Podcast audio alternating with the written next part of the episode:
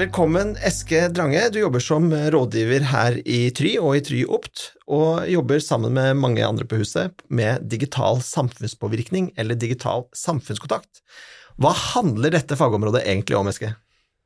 Det er jo et veldig spennende område. Det handler i stor grad om å få tak i uh, veldig smale målgrupper som har vist seg vanskelig å nå på tradisjonelt vis. Så vi trenger da å jobbe mye med de tradisjonelle kanalene, men på en ny måte. Og, ja, for det er ofte målsetningen her er motsatt av hva som er en vanlig markedskampanje, hvor man jo kan ha spesifikke målgrupper, men det ofte er jo en eller annen form for, annen form for bredde er det likevel. Her er det veldig smalt. Det stemmer, det har jo vist at det er ingen digital digital samfunnskontaktknapp hos de fleste mediene, så vi må på en måte snu bunken og gå inn i de forskjellige kanalene og faktisk avdekke mulighetsrommet, og se hvordan man faktisk kan utnytte kanalens potensial på en, en, annen måte enn den tradisjonelt har vært brukt. Og påvirkningsgrupper i denne sammenhengen er jo ofte da type eh, politikere, embetsverk, det kan være eh, beslutningstakere innenfor store eh, organisasjoner, eller eh, ansatte ulike steder, enten det er offentlige etater eller, eller, bedrifter. Hva slags virkemiddelapparat har man eh, på eh, digital samfunnskontakt? Vi har veldig mange spennende virkemidler.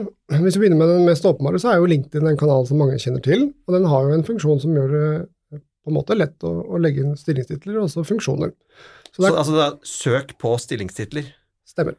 Så da får vi jo tak i noen av de. Og så begynner det jo å bli litt tynt etter det med kanaler hvor denne muligheten ligger, så da har vi jo brukt veldig mye tid og energi internt på å bygge en metode så hvis vi ser på f.eks.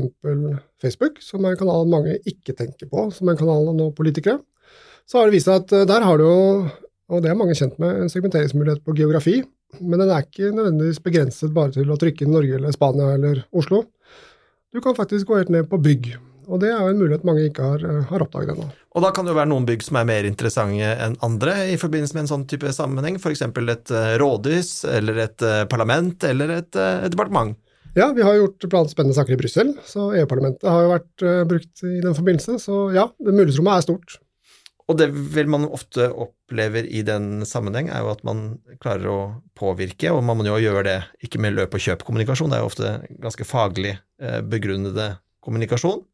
Og så har jo i hvert fall jeg oppdaget at uh, det som jo skjer, er jo at det er ofte ikke nødvendigvis noen som har klikket på det eller gjort veldig mye aktivt, men at de kjenner saken før de møter de aktørene som ønsker å påvirke. Ja, og det er jo et veldig viktig aspekt i den biten der. Veldig mange av de budskapene vi jobber med er jo, som du sier, ikke løp og kjøp. Det er kanskje litt komplisert, og det er i hvert fall noe du ikke klarer å overbevise noen om på 15 sekunder, som jo er den gylne timelinen på sosiale medier i, dag. Så da trenger vi å jobbe litt videre med, med, det vi kaller sekvensiell historiefordeling. Og det betyr jo det at hvis du klarer å lage innhold som er godt nok, og får oppmerksomhet, så kan du opparbeide deg digitale målgrupper. Og det betyr jo nettopp at vi kan snakke med de over tid. Og det handler jo egentlig om da å vinne målgrupper, eh, som da via en eller annen interaksjon med eh, den man jobber for, eh, faktisk da kommer i en egen slags kurv, digital kurv, som man da kan følge over tid og jobbe kontinuerlig med påvirkning med. Ja, og så blir verktøyet veldig sterkt etter hvert. Du kan jo se hvor lenge de har sett ting, så du kan dele dem inn i litt interessert, medieminteressert og veldig interessert. Og så kan du igjen servere budskap eh, tilbake igjen basert på hva slags type innhold de konsumerte mest av. Så, så, der begynner det å åpne seg en veldig spennende dør da, for hvordan du kan jobbe veldig målbevisst med å jobbe inn tematikker, eller også bygge kunnskap og kjennskap om ting som er viktige for deg. da. Hvilke andre type kanaler enn LinkedIn og, og, Facebook er det man kan bruke i en sånn sammenheng? Det morsomt med det, syns jeg selv i hvert fall, er jo kontekstuell annonsering. Det er jo en kanal som veldig mange har begynt å få forhold til, hvor du kan annonsere på bakgrunn av tematikker. da. Så for eksempel, du kan velge ut ord som miljø, og så dukker det en annonse opp når noen skriver en artikkel om det. Og så gjør vi som vi alltid gjør, da leker vi litt med den kanalen og ser ok, det er jo spennende, hva, hva fins rundt den kanalen? Um, så har vi jo mange erfaring fra politikken, og de som vi blir fortalt, er jo glad i å lese om seg selv. Så da kan man tenke seg at hvis du da målretter artikler med navnet på personen du har lyst til å treffe, og vi tenker at den personen leser om seg selv, så kanskje også de bruker verktøy som retriever for å få informasjon inn i innboksen sin. Og da har du plutselig en spennende hypotese, at hvis du kan sette de to tingene sammen, du har da annonser på kontekstuelt på navnet deres, og du har en funksjon som henter artiklene rett inn i innboksen deres, da begynner det å bli morsomt å, å drive med samfunnskontakt. Og så kan du også bruke Twitter rundt annonsering på Altså jeg vil anta at f.eks. Eh, noen eh, radioprogrammer er eh, mer interessante for myndighetspersoner enn andre. Ja, da er du også inne på noe veldig spennende. Du har jo både følgermålrettingsmuligheter, så hvis du vet at de personene du skal ha tak i følger en viss person, så kan det f.eks. målrettes mot statsministerens følgere. Eller du kan koble opp med hashtags eller som du sier, programmer. Det er også veldig stort mulighetsrom. Også en veldig stor fordel i disse sammenhengene er jo at ofte ikke det er så veldig stor konkurranse om Google-annonsering. Nei, og det er også en sånn glemt kanal. Og det følger jo for så vidt en metode, da. Hvis du driver med push-annonsering, altså du dytter ut budskapet ditt i det offentlige rom, så bør man jo også være klar til å ta imot den, det informasjonsbehovet som kommer, da. Og da er jo Google faktisk en ganske viktig kanal, for det er jo der folk ofte starter, og det gjelder også journalister. Starter med å lete etter informasjon. Hvem er det som har noe å si om denne saken? Hvor kan jeg finne mer info om det jeg plutselig ble fortalt nå i, i en annen kanal? da. Så den bør også være en del av den mediemiksen når man først driver med samfunnskontakt.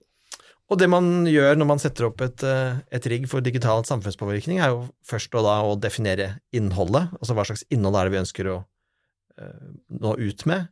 Klare å gjøre det på en måte som gjør at det blir uh, forståelig. Og så tilpasse de ulike kanalene sånn at det kommer ut, og da kan det være en miks av mange ulike kanaler i en kampanje. Det kan det, ja. og du var inne på det i starten. Det er jo litt av fordelen med der vi jobber i dag på Trihuset, at vi har jo folk som er gode på alle aspektene av det. Og det er som du sier, du trenger en hook, du trenger noe som skaper oppmerksomhet. På Facebook har du et sekund på deg cirka, så da må det være noe som treffer. Så er jo målretningen en kjempeviktig sak, fordi hvis du treffer de riktige personene, så er det jo relevant for dem. Og hvis det er noe som er relevant for deg, så konsumerer du også innhold.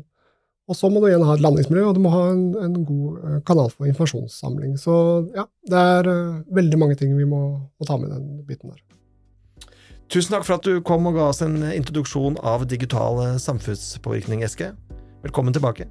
Takk for det, det gleder jeg meg til.